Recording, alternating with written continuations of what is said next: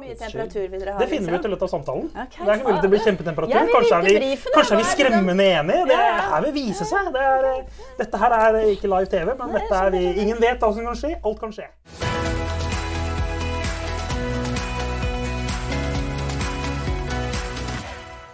Men da tror jeg faktisk vi bare starter. Men Alf har fått sjekka brillene sine, så er vi liksom i gang, så han ser litt. Velkommen til eh, professoren og praktikeren. Jeg er professoren, Lars Erling Olsen, professor ved Handelsskolen BI. Og praktikeren står ved min side, Alf Bendiksen, bransjeveteran og nå byrå... eh, Det er ikke byråleder, du er, hva er det for noe egentlig? Du er eh, konsulent, er du? Konsulent, ja. Rådgiver i eh, NSB. NSB. Og så er Marketing best practice. Sånn var det. Jeg husker du aldri rekkefølgen på Best og Practice. Så det er bra at du tar det for meg. Eh, Vi eh, har et, eh, en serie av det vi kaller for videocast eller podcast, litt hva man skal kalle det for, der vi inviterer alltid en gjest i studio og snakker om dagsaktuelle temaer innenfor markedsføring, kommunikasjon og reklame og den type ting. Og Det er ikke noe mål i professoren og praktikeren at alltid vi skal være enige. Alt for meg vi er ofte uenige, og vi inviterer gjerne gjester som har sterke synspunkter. Det aller viktigste med professoren og praktikeren det er at alt for meg lærer noe. Og hvis vi lærer noe, så tror vi gjerne at du som seer også lærer noe. Så det er det vi håper å få til, og vi håper at du gleder deg og koser deg til å se på nok en episode av Professoren og praktikeren.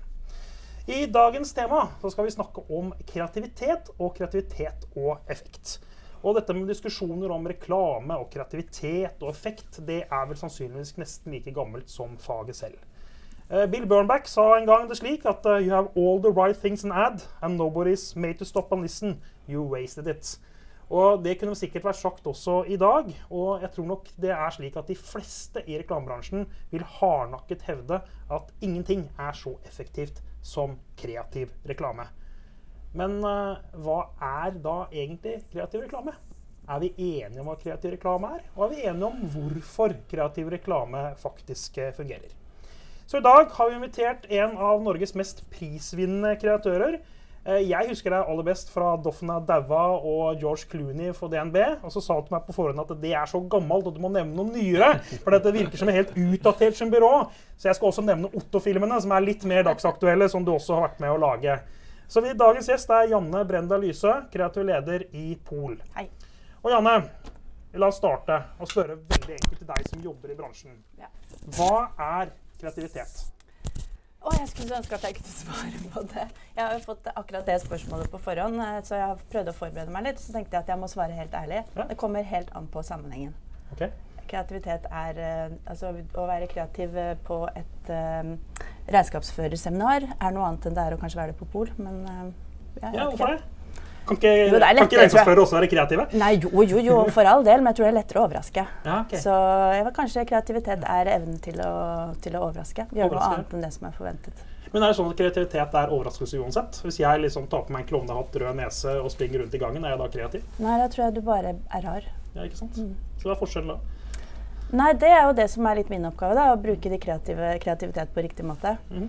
For um, det er jo Ja, jeg har jo sagt det før at folk som tar av seg på overkroppen på fest, tenker jo kanskje at de er litt kreative, men Mm. det er bare gøy én gang. Det er bare en gang, ja. Men det kan være gøy en gang, da. Det kan være gøy en gang, men det er ikke den typen du har lyst til å være sånn alltid. Men er det gøyere hvis det er liksom han litt kjedelige sjefen som gjør det, kontra han eh, klovnen på kontoret som alltid gjør det? Mer uventa, Ja, og så kanskje han angrer mer dagen etter. Jeg vet ikke. ja det kan jo være.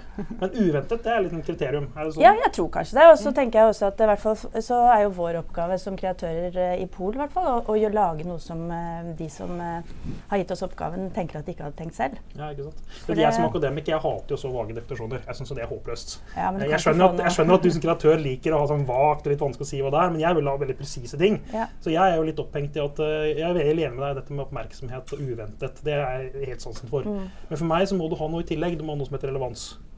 Ja, vet du hva, jeg har tenkt litt på det. Det er jo selvfølgelig er det relevans, men det er også sånn oppgave som jeg veldig ofte får utenom jobben min, er sånn når det er et eh, bursdagskort rett før vi skal inn på fest, og så sier noen sånn Kan ikke du skrive noe morsomt på kortet, du som er så kreativ? Mhm. Og så tenker jeg det er grenser for hvor gøy det blir å skrive på kortet. Det er grenser for hvor eh, spesielt du kan si 'gratulerer med dagen'. Mm. Men mitt problem er jo at det er et kort. Det skulle Ja. vært noe annet enn et kort. Ja, ja, Da sånn, kanskje det hadde vært Så kreativt. formatet ikke er feil, liksom? Ja, formatet er feil noen ganger. Mm. Og da er forvent, kanskje man bare skal gjøre det som er forventa på det formatet. Og så av og til kanskje man får den over seg og gjør noe annet. Men eh, ja. Mm. Jeg tror ikke du får noe konkret svar på hva kreativitet er. Altså. Det, Det er kommer an på hvem du Syns spør. dere det var så vagt?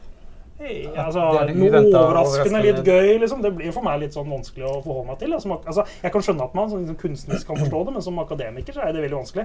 Ja, men Jeg liker ikke- klare, Er det kreativt eller ikke kreativt? Da må du ha kriterier. Men ligger det ikke relevans i hele spørsmålet ditt, da? Jo. Altså for Hvis man er kreativ på flater hvor det, eller hvis man gjør noe kreativt i situasjoner hvor det er helt ute å gjøre det, så er det jo ikke nødvendigvis kreativitet. Da er det bare ønske om å overraske eller gjøre noe uventa som ikke passer inn. Ja. Så selvfølgelig, jeg, som når jeg mener at eh, man ved kreativitet er å gjøre noe uventa, så er relevansen ligger i bånn, mener jeg. Fordi at eh, alle kan jo være gærne, ikke sant? mens det er jo noe annet. Det er ikke, det som det skiller, er- er ikke det som skiller gode og dårlige byråer? da? De som er gode, de skjønner det du sier nå. De litt dårlige reklamebyråene, anførselstegn, de er de som på en måte bare er klovner. Ja, Men klovneri er det uansett ikke. Det er jo jobben til noen. ikke sant? Sånn at det, Ok, det er Glem klovneri som metafor. da. Mer, mer liksom at du gjør noe veldig overraskende uventet som kanskje ikke er så relevant. da. Ja, Det kan godt hende. Men det, er- da er vi jo inne på bare det å være god eller dårlig i jobben sin. Mm. Det er noe annet. Det er noe annet. Ja. Ok, ja. Altså, du, har, Du har vært med, på dette her, du har vært med sånn ca. 100 år i bransjen, så du vet jo hva kreativitet er.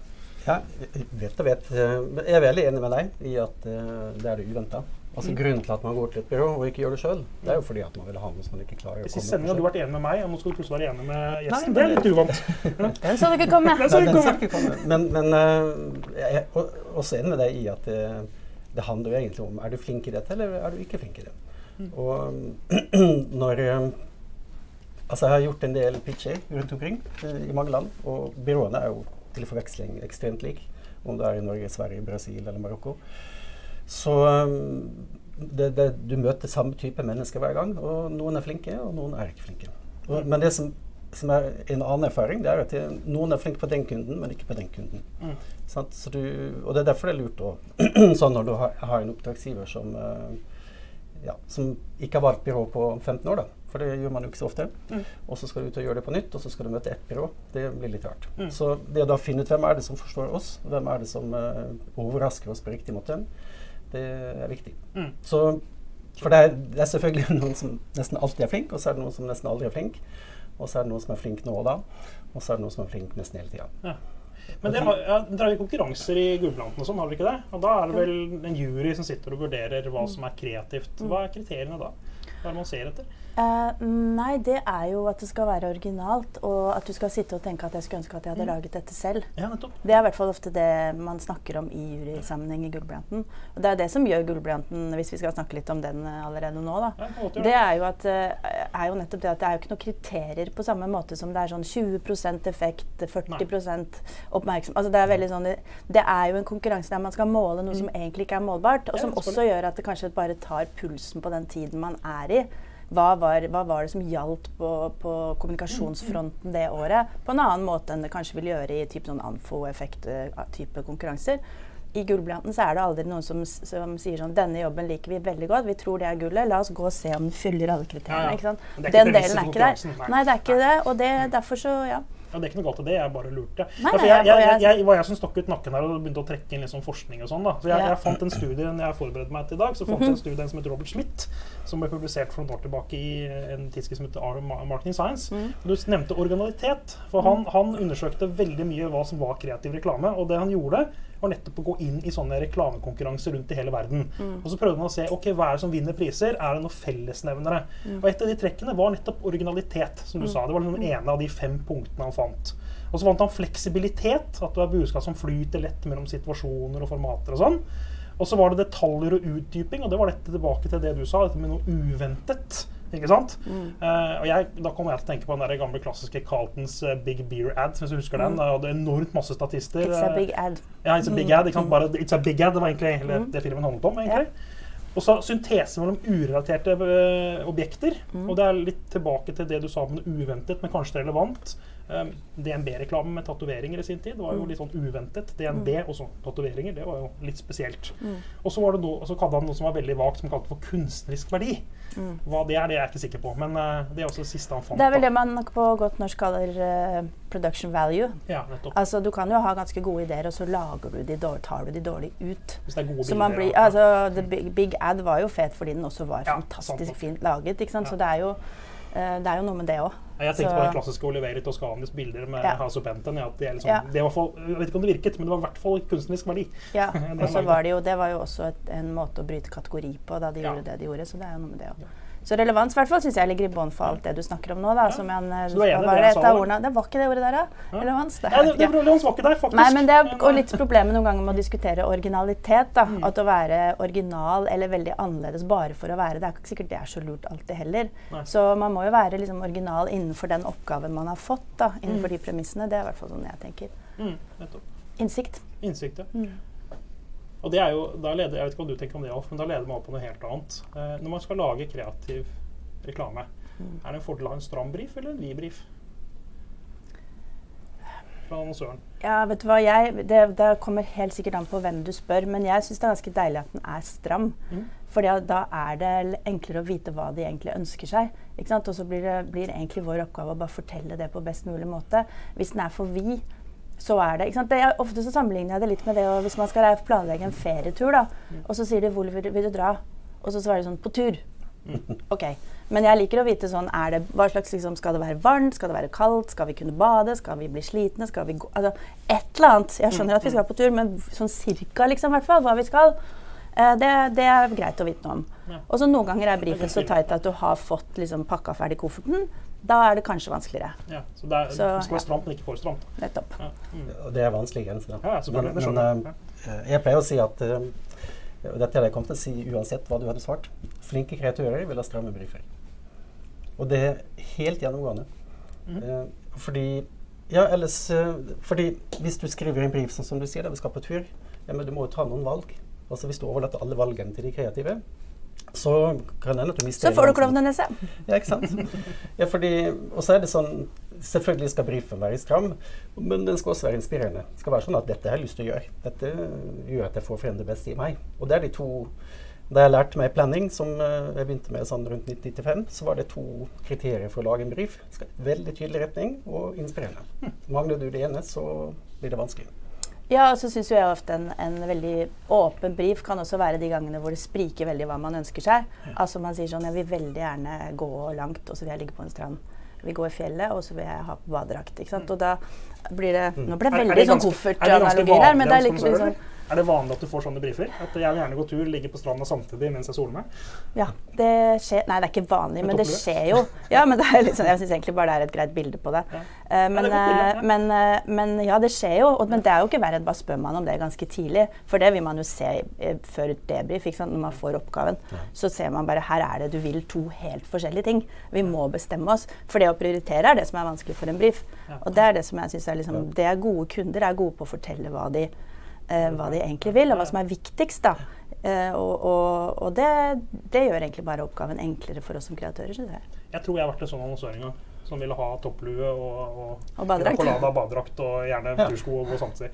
Du trodde du kunne få alt det? Ja, jeg tror det. Ja. Så, så lærte jeg at det fikk jeg ikke. Og da slutta jeg. med det. men det handler jo om å Men sånn Altså, hvis brifen er veldig vid, da, og byrået må foreta alle de valgene som annonsøren ikke har klart sjøl, så blir jo fortsettelsen ganske vanskelig. Og jeg har jobba mye i Brasil, og der overlater jo annonsøren hele strategien til byrå. Sant? Og det er jo um, Ja, da blir det jo sånn Men var, det var det ikke sånn på 1980-tallet i Norge, da? 90-tallet? Ja, det var mange altså- som overlatt strategien til, til, altså, til byråene? Jo, men jeg begynte i byrået i 1990, Ja. og Terje Thorkildsen sa vel litt før den tid at da var reklamebransjen det var en som fortsettelse av husefeiringa. Mm. Og altså, det var Det var Danskebåt med penger. det, Ikke sant? Men um, det var um, Altså, annonsøren kom med en brief som var en muntlig overlevering, og det fantes ikke noen papirer. Byrået hadde ikke noe briefformat. Men var ikke det gulltiden til reklamebransjen? Var det ikke 80- og 90-tallet det virkelig som det var de store kreative tiårene? Eller Jo, det, det sies jo det, og sikkert alle som jobba den gangen, syns alt var bedre da. Ja, det er det jeg hører når jeg snakker med gamle Ja, ja, så sier de det. Så, Og det syns kanskje de som jobba på 70-tallet, at det var da de jobba òg.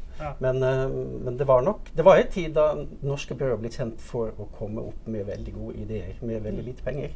Det var egentlig ganske Ja, det vant mye Cannes og internasjonalt. Og jeg husker det byrået jeg jobba i, de satt i New York og fikk en eh, Hva heter den prisen der borte? Ekstra farlig. Men, uh, da- Festivals, kanskje? Noe sånt, ja. Og så fikk den spørsmålet OK, Mr. Fred Jensen, how many people are in your agency? Oh, we're only 15. Ah, only 15,000? Nei, vi er 15. Så, um, men da var, da var jo bransjen søt og liten. Mm. Uh, og alle dro til Cannes, og alle satt til samme bord og lå på den samme stranda. Og det var for Ja. noe Så nakkejobb. på sånn, ja, sånn det. Ja. Det var, det var tidene sånn som det var, da. Sånn er det ikke nå, tror jeg. Nei, Det, verste er at det er jo litt sånn nå også. Ja. ikke sant? Alle tider har jo sine røverhistorier, heldigvis. da, for det, Og det håper jeg det er i alle bransjer. Sånne, sånn, og, som gjør at jeg om 20 år kan tenke tilbake og si jeg jobba i den beste tida, liksom. Eh, og kanskje den er da. Så, så jeg, altså det er jo Vi hadde jo samme opplevelsen i Pol for eh, noen år siden, i Cannes, hvor vi var eh, definitivt et av de byråene som vant flest metaller i eh, Skandinavia. Og var på, var på skikkelig fest og feira ordentlig. Og det kommer noen bort og spør akkurat det spørsmålet. Vi må bare spørre liksom, hva har dere vunnet, og vi har sånn Nye metaller, og det var helt Det var altså så god stemning. Og så spør de hvor mange er dere, og vi sier sånn 25. Og da kommer samme Ja, mener du 25 000? Som er samme Og det Altså så, Og heldigvis har man den, type historier ennå, men jeg tror det man vinner for, og markedsføringen, er ganske forskjellig. Det er et Jeg tør påstå, jeg håper ikke fornærmer noen, men det er vanskeligere nå. Ja, er det vanskeligere vanskelig nå? Det, har det noe med medier å gjøre? Eller? ja, selvfølgelig har det det. Det har noe med analyser å gjøre. Det har noe med at du kan måles på en helt annen måte. Hvis du hadde gått inn med dagens verktøy og gått løs på noe av det som ble laget, så tror jeg at uh, man kunne sagt at avsenderidentiteten ikke var tydelig nok. Men jeg tror også det var lettere å skille seg ut. Mm. Så man kunne ikke brukt det i den verden vi er i nå. Så det går på en måte ikke an å sammenligne Nei, det. nei. Men jeg tror det var enklere. Uh, og er jeg sånn syns det var Analytics, sånne ting, er, det, er det ødeleggende for kreativitet? Altså, jeg, jeg spør ikke for å være slem, jeg spør fordi jeg lurer. Nei, jeg, jeg synes, altså, ja, det kommer an på hva slags kreativitet du snakker om. Mm. For hvis det vi nå gjør i faget vårt, er å ta bort alt det som framstår som underholdning bare for folk, men som egentlig er jævlig god kommunikasjon, det er dumt hvis, eh, hvis det blir borte. effekt, så tar vi det vekk, liksom. Ja, Ja. hvis det er sånn, men, men det er jo ikke nødvendigvis sånn. Det bare handler om at man må gjøre ting før. Så kanskje man var supergod på å sende ting i postkassa.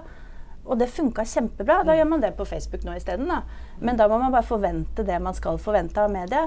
Og så plutselig fikk du en helt fantastisk DM som du husket veldig godt. På samme måte som plutselig kan noe du ikke trodde fungerte, fungere kjempebra på, på Facebook. Men det er ikke det også kriter et, et kriterium for kreativitet at du faktisk bryter med forventninger? Så hvis du alle forventer å få den på Facebook, og så får du den i postkassa, så er jo det helt annerledes. Ja, men da er det Kanskje heller liksom, ja, Jo da, men allikevel så tenker jeg hvis oppgaven er å gjøre noe på Facebook, da, så kan man jo det finnes liksom undersøkelser som sier at det er lurt at du har opplevd eh, Skjønt avsenderen og blitt uh, hooket i løpet av de første halvannet sekundene, eller nå er det sikkert ned i 0,7 sekunder eller noe. På den annen side så finnes det også undersøkelser som viser at folk tar seg tid til å se fire minutter. Så det liksom kommer helt an på hva oppgaven er også, igjen der. ikke sant? Så det er liksom... og, det er mange flere flater å gjøre ting på nå også. Det er bare mer, og det er mer målbart. Og da blir det vanskeligere. Men mediebildet er jo ekstremt komplisert nå. Mm. Og, og det å, å ha en 30 sekunders, eh, 60 sekunders reklamefilm som knapt nok lages lenger, det i forhold til sånn som det var. Og nå skal du vekke oppmerksomhet til sosiale medier på du sier 0,7 sekunder. Og hvis du ikke gjør det, så er du sjanseløs. Da, da blir det vanskelig. Ja. Ekstremt vanskelig. Ja. Men eh, allikevel, alle gode merkevarer har jo en, god perso har en personlighet ikke sant, i bånn som gjør at du kan kommunisere på en annen måte. Altså Har du en sterk mer merkevare, så har du muligheten til å, å skaffe deg oppmerksomhet på en helt annen måte. Det er mange som snakker om å bryte kategorien, sånn som vi gjorde med DNB. Mange ønsker seg å bryte kategorien, og da kan jo svaret noen ganger være ja, men folk har jo ikke noe bilde på hva den kategorien er. Nei. Så da hjelper det ikke om du sitter og ønsker å bryte den, eller man ønsker å gjøre noe out of character, og så tenker sånn, men du har jo ikke noe karakter ennå. Så vi må jobbe med å finne det først, Ja. og så kan vi begynne å gjøre de andre tingene. Og da er det kanskje enklere å være på Facebook enn hvis det er det mediet der du skal bygge personlighet. Da. Um, det er greit å bli kjent med noen, og så godtar du veldig mye annet etterpå hvis du har bestemt deg for at du liker dem. Og det er jo Du må bygge opp noe før du kan bryte må det eller må bygge opp noe for at du skal liksom Skifte. eh, Ja, du må like noen da, ikke sant, i utgangspunktet for at du har lyst til å høre på dem, og da har du en veldig takknemlig oppgave foran deg. På en annen måte enn hvis du i utgangspunktet ikke vet noen ting om uh, merkevaren eller den personen, for eksempel. Vi har begynt å snakke om det, men vi må jo begynne å prate litt om effekt. Og kreativitet og effekt. Og Mm. virker kreativitet, da? Jeg vet ikke hvem som spør. Det må jo du begynne å svare på. svare på. Du- Liksom. Altså Internasjonalt så er det jo ikke noe tvil. Nei. Hvis du ser på norsk reklame, så er det tvil. Fordi det er ganske få norske kampanjer som, som vinner effektpriser effektpriser, i forhold til i England f.eks. Så, men uh, Peter Field og Les uh, når de har studert advertising effectiveness i vårt England, så er det en soleklar sammenheng. Mm. Og mange av de mest effektive kampanjene også i Norge er også veldig kreative. Men det er ikke slik at alt som vinner Gullbjørnten har hatt effekt. Og jeg, jeg mener ikke at de skal ha det heller. Du skal få lov å ha en konkurranse som er utelukkende på kreativitet. For hvis du blander sammen de to, det syns jeg blir feil. Mm. For de, de må få lov å leve hvert sitt liv. Men eh, hva skal jeg si, da? Eh, når et team sier til meg at alt dette her kommer til å bli kjempebra, altså det blir kjempegøy, det kommer til å vekke masse oppmerksomhet, og jeg sitter og tenker at det, det tror jeg ikke noe på, Mm. så øhm, da har vi jo et problem. Men, men da er jo det som Janne sa i sted, det er jo de som ikke er så flinke. Så du, du sier at internasjonale byråer de har knekt koden. De har klart å lage både kreativ og reklame, men norske byråer klarer ikke det. Ikke, ikke på samme måten. Nei. Altså, kan vi krangle litt om det, kanskje? ikke sant? Fordi at, Det kan vi gjerne gjøre. Jo, men det handler jo også om at i England er fokuset eh, tradisjonelt et helt annet på dokumentasjon. Så man bruker og investerer også mer penger i det å vite hva, eh, hva effekten er. Ja. Mange eh, har, altså Ofte har vi kunnet skrive eh, case til Anfo for eksempel, hvor ikke man har dokumentasjonen. Det er ikke noe vits i å sende det inn, men vi vet at det har fungert. Eh, men det eneste tallet vi har, er at merkevaren har blitt bedre likt. Eller at, men man, man har ikke alt det der som gjør at man har Det er en kjempejobb å skrive og dokumentere et case inn i Anfo-effekt. Mm. I de engelske byråene tror jeg man har en helt annen tradisjon for det. Så det er ressurser, rett og slett? Altså, ja, det kan være det også. ikke sant? Og så er det Uh, så det å, det å si at liksom, vi opererer her oppe i et marked der det ikke er effektfullt å, å bruke kommuni- kreativ kommunikasjon, er jo mener jeg er helt feil. Men så jobber jo jeg også i et byrå der vi er veldig Mm. Ja, ja. opptatt av det, og vi vet Men det at det fungerer. at, jeg oppfatter ikke at Alf sa det. Alf sa, du sa vel ikke at nødvendigvis at kreativitet ikke virker i Norge? Du sa det at eh, i Norge så har vi ikke like god dokumentasjon på det, og det er jo egentlig samme dere sier, da. Ja, men da måler du jo feil hvis du tror det handler om å bli likt. For det er jo bare et bitte lite fragment. Eh, Alt handler om harde fakta. Og så hvis- det er klart det er lett å skrive et case hvis du har tall. Ja, ja. Og hvis du kan bevise at sjappa går bra, Ja. og den er godt likt, som jeg mener bør være ganske, to ganske ok eh, parametere, Mm, Mm, Så, og det er ikke alltid man kan det. Eh, og det betyr Og det er jo veldig mye investering. jo dette her. Syns dere får med dere Ikke nødvendigvis, ikke, sant? nei. Nei, hvor lang tid tar det da? Altså sånn, Mm. hvor, hvor fort merket man effekten av, for å bruke DNB da, som et eksempel igjen, eh, og, og før man begynte å se effekten av at folk likte den merkevaren bedre. Mm. I starten så måtte man jo ta en sjanse på at det var en del folk som ikke likte det. Men du kan jo De måle myke variabler. da. Holdning, Mm. oppfatning. Og så si at ok, det er ikke ditt, det har, har data ennå, men det viser at det er på vei til noe. da. Det kan Mm. Ja, man jo det kan man jo gjøre. Ja. Men, eh, men poenget mitt er i hvert fall at eh, det at, eh, at man i Norge ikke har altså det at med effekt ja, Nå surrer jeg meg inn i noe greier her. Poenget mitt er i hvert fall at kreativitet er effektfullt også i Norge. Det er jo Mm. ikke sånn at det ikke er det, men det er ikke sikkert at vi alltid har like gode caser for å kunne forklare det. Da. Men på den annen side, jeg har vunnet gull i Grand Prix både Stella og Anfo med ting som også har vunnet i Gullblanten. Ja. Så det å på en måte kaste glør på Ja, Det er det det heter, ikke sant? På- jeg har vært med å gi priser på der som jeg vet har vunnet gullblanten. Ja, men ikke sant, det er jo, er jo noe, det er noe annet. Og Det det, det det er helt greit, liksom. At det er det som du sier. Det er ikke noe, det ene ekskluderer jo ikke nødvendigvis det andre. egentlig, så det er liksom ikke sammenlignbart. sånn Men det hadde vært nedtur for, for gullblanten hvis den bare handlet om å lage kommunikasjon som aldri gjorde en god jobb for kunden. Ja. Da tror jeg den hadde råtna på rot, liksom. Så vi skal vite at den har eh, den, Det er veldig mye fine, solide, gode jobber Mm. som er kjempekreative, som også gjør det bra i, Mm, i Gullbranten. Så det, det er jo ikke noe å lure på. Men, men det er jo ikke vanskelig å skrive case. Jo, det er det jo. Nei, det er ikke det. Jo, prøv masse noen case, jeg. Men det handler Derfor om er du så flink, da. For Det er så lett for deg. Nei, men det, det, der, det der er fordi hvis du uh, For det første så handler det om uh, harde fakta. Uh, at eh, det er klart Hvis reklamen ikke fører til at det økonomisk går bedre for annonsøren, så da er det jo ikke noe bra. Da skal Hvor lenge skal man vente? da? Ett, to, tre, fire, fem år? Eh, og kanskje i noen tilfeller så tar det mer enn et år før du merker det på bunnlinja, men det går an å merke det på helt andre ting. At du gjør målinger. Så et eller annet skjer uansett. Og, og store annonsører, eller enormt store bedrifter sånn som, sånn som DNB, som er noe helt annet i dag enn for hvor lenge er det siden? Ti år siden, da dere starta. Og det er klart de har hatt veldig mye med kommunikasjon å gjøre, men det har også med merkearkitektur å gjøre, for de la jo ned flere selskaper. ikke sant? Vitalo, Postbanken og Nordlandsbanken osv. Samla alt i ett ett stort selskap. Rigga seg for Dette er jo liksom mitt, et av mine hovedtemaer, som jeg skal sikkert snakke om i en podkast. Dette med hvor mange merkevarer du har. Men uh, det ble rydda først, og så begynte man å, å jobbe med den kommunikasjonen. Og uh, også hatt en enorm effekt internt. sant? Fordi eh, Men jeg tenker, jeg, jeg kan i hvert fall, sånn Forskningsmessig så er det jo helt riktig som dere sier. Kreativitet virker. Og jeg tenkte Jeg skulle gi tips til de som ser på også. Det er en metaanalyse som kom i fjor i Journal Marketing av en som heter Sara Rosengren med kollegaer. Og, hun, eh, og Metaanalyse det betyr at du tar masse masse annen forskning og så setter du alt sammen i ett svært datasett og ser hva er liksom felles på tvers av veldig mye empiri. da. Så her var det snakk om 67 artikler, 93 unike datasett, og det er stort. altså. Og Der var bare helt soleklare funn. Kreativitet gir effekt. Masse masse effekt. Men det som er interessant, det er ikke bare at det gir effekt, det er også hva slags type kommunikasjon virker bedre enn noe annet. Og blant annet så viser de at uh, Hvis du har merkevarer som har uh, liksom høyere kjennskap, eller merkevarer som det er større involvering i, så er kreativitet enda viktigere. Mm. Det betyr ikke at det ikke kan fungere på lav involvering òg, men det er enda viktigere for høyere involvering. Mm. Og så sier det litt om hva slags type og grunner til at det virker og sånn. Og Jeg tenkte vi komme litt inn på det. Altså, en ting, jeg, er, kan sikkert, jeg tror vi er enige alle vi som står her, at kreativitet har noe for seg. Mm. Men hvorfor, da? Hvorfor er kreativitet så bra? Har vi noen ideer om det, eller er det liksom bare kreativitet er bra, så vi trenger ikke å undersøke? den, den vekker jo oppmerksomhet. Oppmerksomhet. Det er den største utfordringen for kommunikasjon. Mhm. At eh, folk ser den ikke, får den ikke med seg. Mens en god fortelling den har du jo ikke bare lyst til å se én gang, men kanskje mange ganger. Og da, begynner den, altså, da virker den jo bedre enn hvis du liksom detter av etter tre, fire, fem, sju sekunder og ikke skjønner hvem som snakker engang. Mm. Så Så- oppmerksomhet, storytelling, det har fått to stikkord. Er det en mer? Ja, så må du jo få, få med deg hva den annonsøren har lyst til å fortelle. da. Ja. Altså, hvorfor, hvorfor, altså hva du Så må det føles relevant for deg når du sitter og ser det. Det er jo egentlig det det handler om også. Det er Og det er jo masse fine kriterier. Ja, flott. men så er det jo, ikke sant, det er jo, og det, igjen så kommer det helt an på oppgaven. Ja. Men, men jeg syns jo ikke sant, det for eksempel å lage en god reklamefilm, da, for å bruke det som et eksempel, det handler jo om det som, som i hvert fall jeg i mange år har eh, prediket, det som heter humrefaktoren. At du koser deg når du ser på den. Og hvis du ser tilbake til filmer på, som ble laget før, så hadde de ofte et sånt veldig godt poeng på slutten. Og det er litt som å høre vitsen for fjerde gang ikke sant? når du sitter i, og ser den i reklamepausen på TV 2, eller om du er swiper innom Instagram.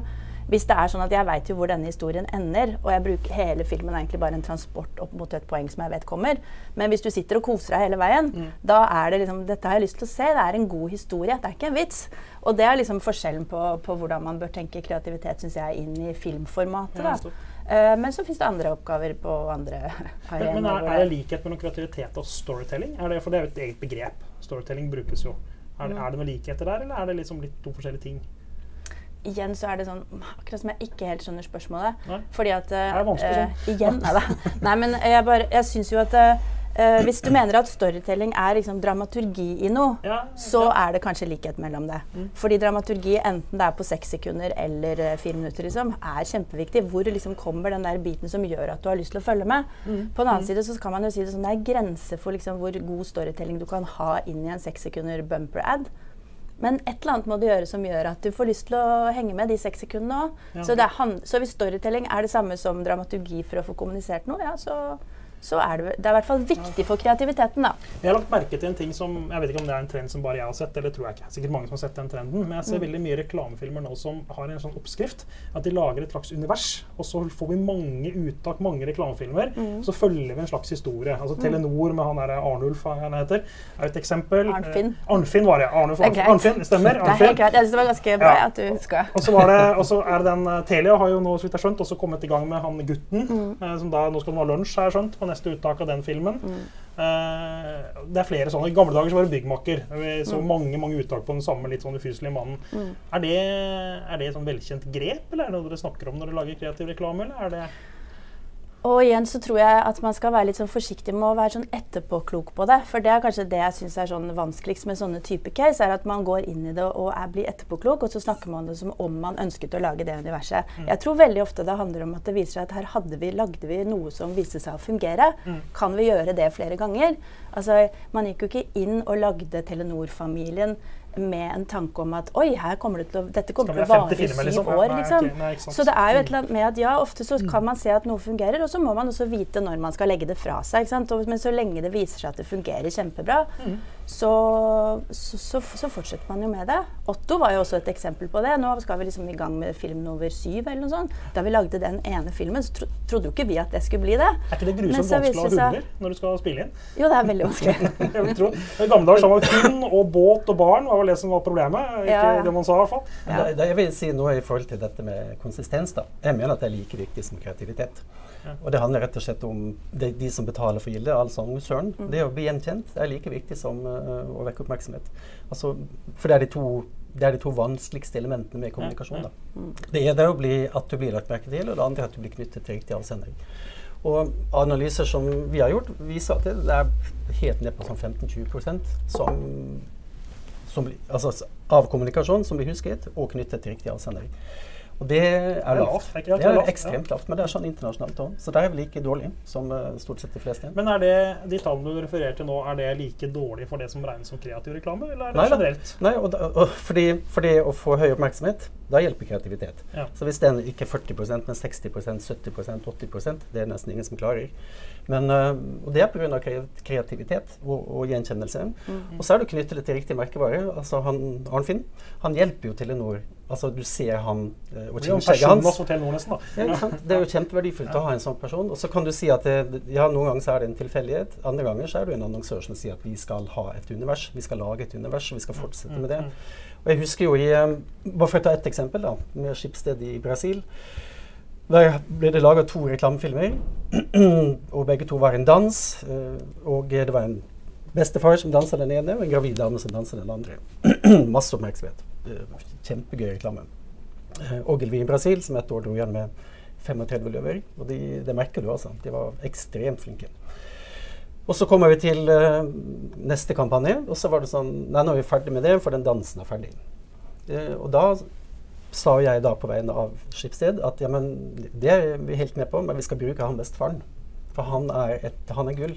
Mm. Vi skal se han i Vi, skal, vi sier ikke at vi skal ha han, men vi skal se ideer med han. Og så kom de ideene med han, fordi, for det syntes de var helt unødvendig. Og så sitter vi i fokusgruppe, og så sier folk at der er han OLX-mann, ja. Sant? Så folk hadde fått med seg at det var han. Han ble jo en kjendis. Han var på Skal vi danse på TV etter hvert. Og, men det var et valg, da. Sant?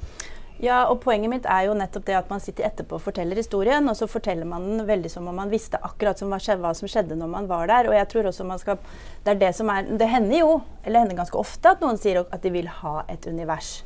Og så viser det seg at uh, etter to filmer eller en stund med det, så fungerer ikke det sånn som man trodde. Det fins jo masse eksempler på det òg. Mm. Og da må man si at det fungerte ikke. Vi klarte ikke å skape det universet. Det handler om at man kan ikke bestille magi kan, eh, og det er, det er, jo det som ofte når man ser gode eh, kampanjer tatt ut, så står det noen og holder et foredrag om det, og så snakker de om det som om de visste helt hva de gjorde hele tiden. ikke sant? Og det er jo det som er feil.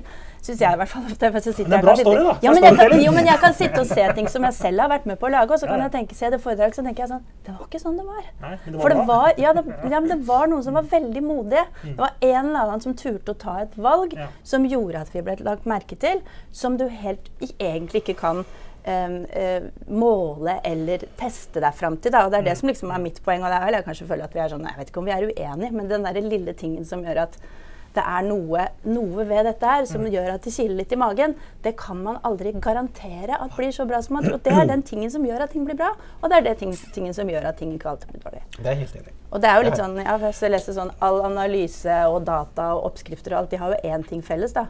Og det er at de kommer fra fortiden. Mm.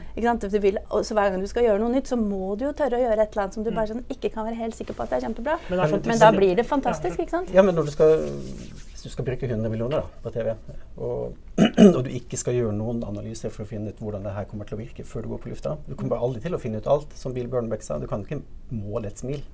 Sant? Det går, går ikke an å teste det. Ja, du kan faktisk det. For du kan ha sånne okay, artificial intelligence-kameraer nå som dette gjør det. Var, dette var på 50-60-tallet. Ja, okay. Nå har du fått det kanskje noen som Mulig. kan gjøre det. Men, men poeng, poenget mitt er at det er veldig mange ting du ikke kan finne ut av, men du mm. kan i hvert fall finne ut nok til at du tør å gjøre det. Mm. Uh, og, og sånn, min erfaring er jo at uh, analyser har hjulpet en annonsør til å gjøre noe som de før aldri hadde turt. Hva tenker du om det? Altså, er testing drepen på kreativitet? Du argumenterer jo for det. Ja. Uh, kom, i, jeg er lei av å si det, men igjen, det kommer helt an på konteksten og sammenhengen. ikke sant? Og det tror jeg... akademiker kommer an på, sier vi akademikere ja, men det kommer jo an på, det, altså. Men det kommer an på, og det er jo særlig fordi vi snakker om noe her som er litt skjørt, som er den der følelsen av om noe er bra eller ikke kreativt. Uh, også, eller om det er god kommunikasjon, er jo veld, det er veldig individuelt. Det som jeg syns er vanskelig noen ganger med å preteste ting, som jeg syns er problematisk ofte, mm. er at man setter folk i veldig unaturlige situasjoner hvor de blir bedt om å mene noe om noe. Og hvis du, jeg spør deg om noe, hva syns du den pennen her er perfekt, så er det akkurat som din oppgave blir jo ikke å si sånn Ja, det syns jeg, da går jeg videre. Din oppgave er å finne noe som kan forbedres. Det ligger i menneskets natur da, Ja. å, finne elementer folk blir sånn kritisk, Ja, man blir kritisk til ting man kanskje egentlig hadde vært Ja, kritisk til. Det. Men det man kan gjøre, er man kan postteste ting. For da kan man jo sjekke hvordan det har fungert når det faktisk var på den flaten du skulle se det. Mm, Men det å spørre noen Hei, jeg kunne tenke meg at du mente noe om dette her. Uh, syns du det er bra, eller syns du det er dårlig? Veldig veldig sjelden at noen sier Vet du hva, det var perfekt. Mm. Det alltid et eller annet. ikke sant? Jo, Og, da er det liksom, og det er det jeg syns er vanskelig med pretesting Mm. av Det kommer litt an på hvordan du tolker pretesten. da, fordi at jeg, jeg har skrevet et artikkel om pretesting og holdt på med det noen år. Og Mm. når jeg skriver om det, da får jeg kjeft. Da får jeg alltid kjeft. Jeg kan skrive om mye rart, aldri høre noe, men skriver jeg om pretesting, der er alltid en mail eller en telefon fra en eller annen i bransjen din Mm-hmm. som sier at det er helt teit det du sier, Olsen. Du er dust. og Jeg får sånne meldinger, da. Mm. På, litt mer intrikat. Litt mer kreativt, kan man si. Jeg får sånne meldinger, men det er det jeg får. Uh, så det her det trigger et eller annet i reklamebransjen, det å snakke om pretesting. Men er det ikke litt også hvordan man bruker resultatene? Jo, så som du beskriver nå, er jo egentlig feil måte å bruke pretesting på. Ja, men så, kom- altså, det er jo allikevel Det, jo et godt, det er, har et godt poeng i det. At testsituasjonen er unaturlig. Mm. Ja, det- det, er det, liksom. det vet man får man ikke gjort noe med, og det vet man jo. Og så må man være god derfra ut. Og igjen kommer det sikkert an på folk som er gode og dårlige på å teste, Ja. som også er en greie. Og så kommer det an på hva man ja. tester. ikke sant? Og så hva skal man teste noe som egentlig er du, jeg orker ikke å bli usikker på dette, her, for jeg vet at det er noe ved det som er kanskje kontroversielt. eller et eller annet. Hva er, kanskje man bare da må stå i det og finne ut hvordan det fungerer. Det er det, liksom, det modigste å gjøre. liksom.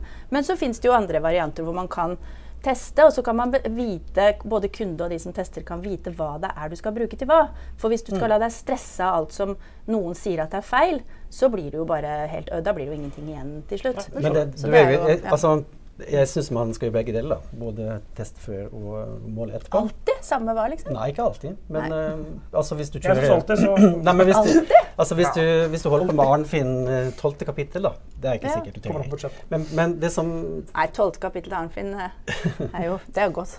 Det er verdt. det har vært Det er sikkert Men- eh, men poenget er- Poenget er at uh, Og dette er også sånn fra planning i England. Du sjekker jo ideer på et veldig veldig tidlig stadium. Altså lenge før du begynner å tenke på å lage en animatic, som jeg ikke har noe særlig tro på. Fordi jeg har sett hvordan det misbrukes. Og det er det som er problemet med testing. At de som gjør testen, forstår ikke hva de skal bruke resultatene til. Så når du, får, når du får et resultat fra et av disse instituttene, og, og det sier at eh, ja, denne skåret på en skala fra 1 til 7, så skåret den 5,9.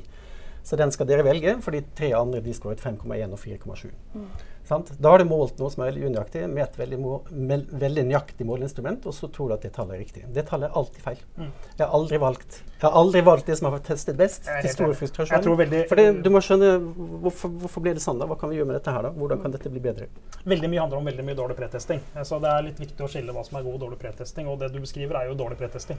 Og da er jeg også helt enig i at pretesting er bare tøys. Men hvis man gjør det på riktig måte og har liksom ydmykhet for Akkurat som du sier, at resultatene som kommer inn, må tolkes med varsomhet og brukes med varsomhet, så tror jeg pretesting har mye for seg. Men, eh, men eh, det er ikke sånn at man alltid skal preteste. Det mener ikke jeg heller, altså.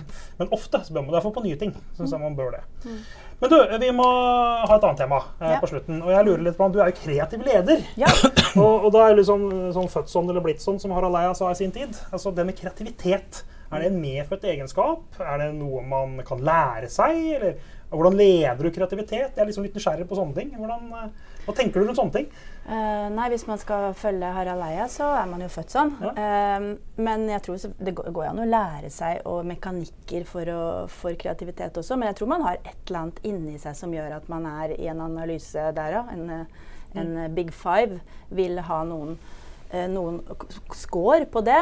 Men eh, sånn som eh, jeg var jo ganske sånn lav på fantasi, f.eks. da jeg tok den testen. Og det vil mange tro at det kanskje er eh, høyt. Og, Ja, jeg, liksom, jeg, ja. men det er jo ikke det samme som at man eh, altså, så, sånn at eh, Fantasi og kreativitet Det er veldig mange som tenker sånn Jeg har et fantastisk fantasifullt barn. Det, det er et kreativt barn. Jeg vet ikke jeg. Det er ikke sikkert det. Nei. Eh, sånn at liksom, ja. Nei, men jeg tror liksom å, å være kreativ leder, i hvert fall hos oss, betyr jo egentlig Du kan ikke lede kreativitet, som du sier. Det er litt morsommere, da. Ja. Eh, Litt mer kreativ ja, litt mer kreativ, kom igjen. Men, men det handler om å vite også hos oss, litt sånn som du sa i stad, at noen ganger noen står fast på en oppgave. Når er det man trenger hjelp? Hvilket team passer til hva? Mm. Hvem er det som nå trenger å få Uh, gjøre noe annet enn de har gjort en stund. Bytte litt om på en kunde fordi nå trengs det Nå har det forandra seg noe der som gjør at det trengs noen nye hoder inn. Ofte så setter vi på to team fordi man ser at man tenker forskjellig.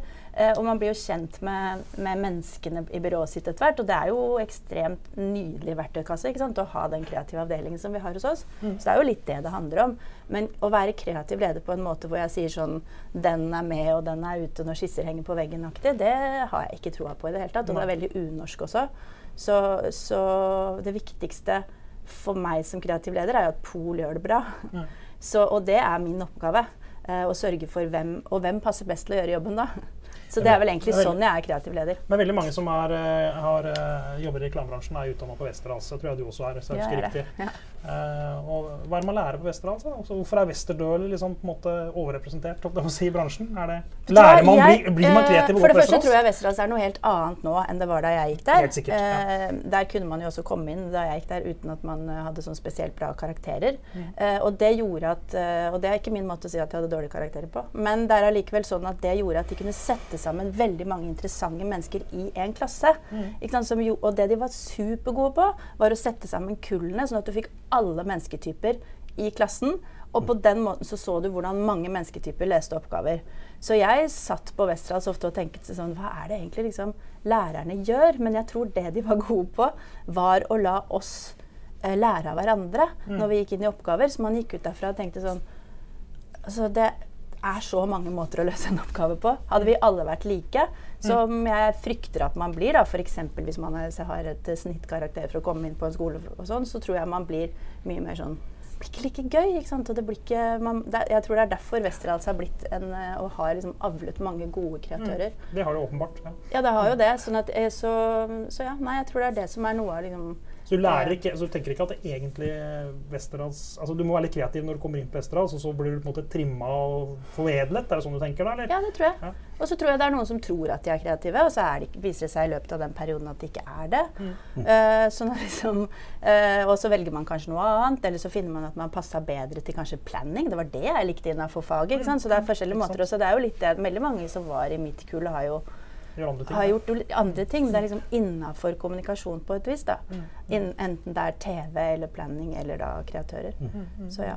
Det er det jeg tror er bra med Jeg har Westerdals. vært gjesteforeleser på Westerdals i veldig mange år. Det er en del år siden sist jeg var det nå, men jeg har vært det i mange år. Og det Mm. som jeg syns var litt uh, fascinerende, var fantastisk morsomme mennesker å møte. Mm. eh, og utrolig lite de hadde lært om hvordan kommunikasjon virket. Ja. Men de visste intuitivt veldig mye om hvordan kommunikasjon Ja. virket. Så det var veldig morsomt når jeg kom inn da, som, som teoretiker og skulle liksom på en måte sette litt teoretiske perspektiver, så var det hele tiden sånn Ja, dette er modellen. Og så ja, det er sånn jeg tenker òg! Ja, og det tror Og det jeg var veldig morsom match da, hele tiden. Ja, at man ser at man faktisk tenker eh, riktig uten at man egentlig har satt seg ned og brukt modellen først. Det tror jeg er en erfaring veldig mange har Ja. når man uh, går på Og det var min erfaring også som gjesteforeleser ofte. At jeg fant ut at jeg kunne liksom bare i, i, vise dem hvordan, hvordan de tenkte da kanskje også funka i vitenskapen. Men de hadde tenkt det allerede selv. Ja. eh, intuitivt. Og det var litt morsom opplevelse noen ganger. Ja. Mm. Ja, Alf, okay. har du lært noe i dag? Føler du deg kreativ, Rolf? Ja, jeg er kreativ. Jeg har skrevet revytekster og vært skuespiller og gjort sånne ting. Med, med, med klovnese? Nei, Nei, ingen av delene. Nei, nei da, men det var jo på siviløkonomstudiet. Til og med vi var morsomme, faktisk. Ser ikke sånn ut, kanskje. Det Men, eh, siviløkonomer er morsomme. Jeg sier økonomer, vi er virkelig morsomme. Så jeg vet det. Ja, men det er jo bare jo bare er For jeg blir stående og si Har du vært på en revy? sa du?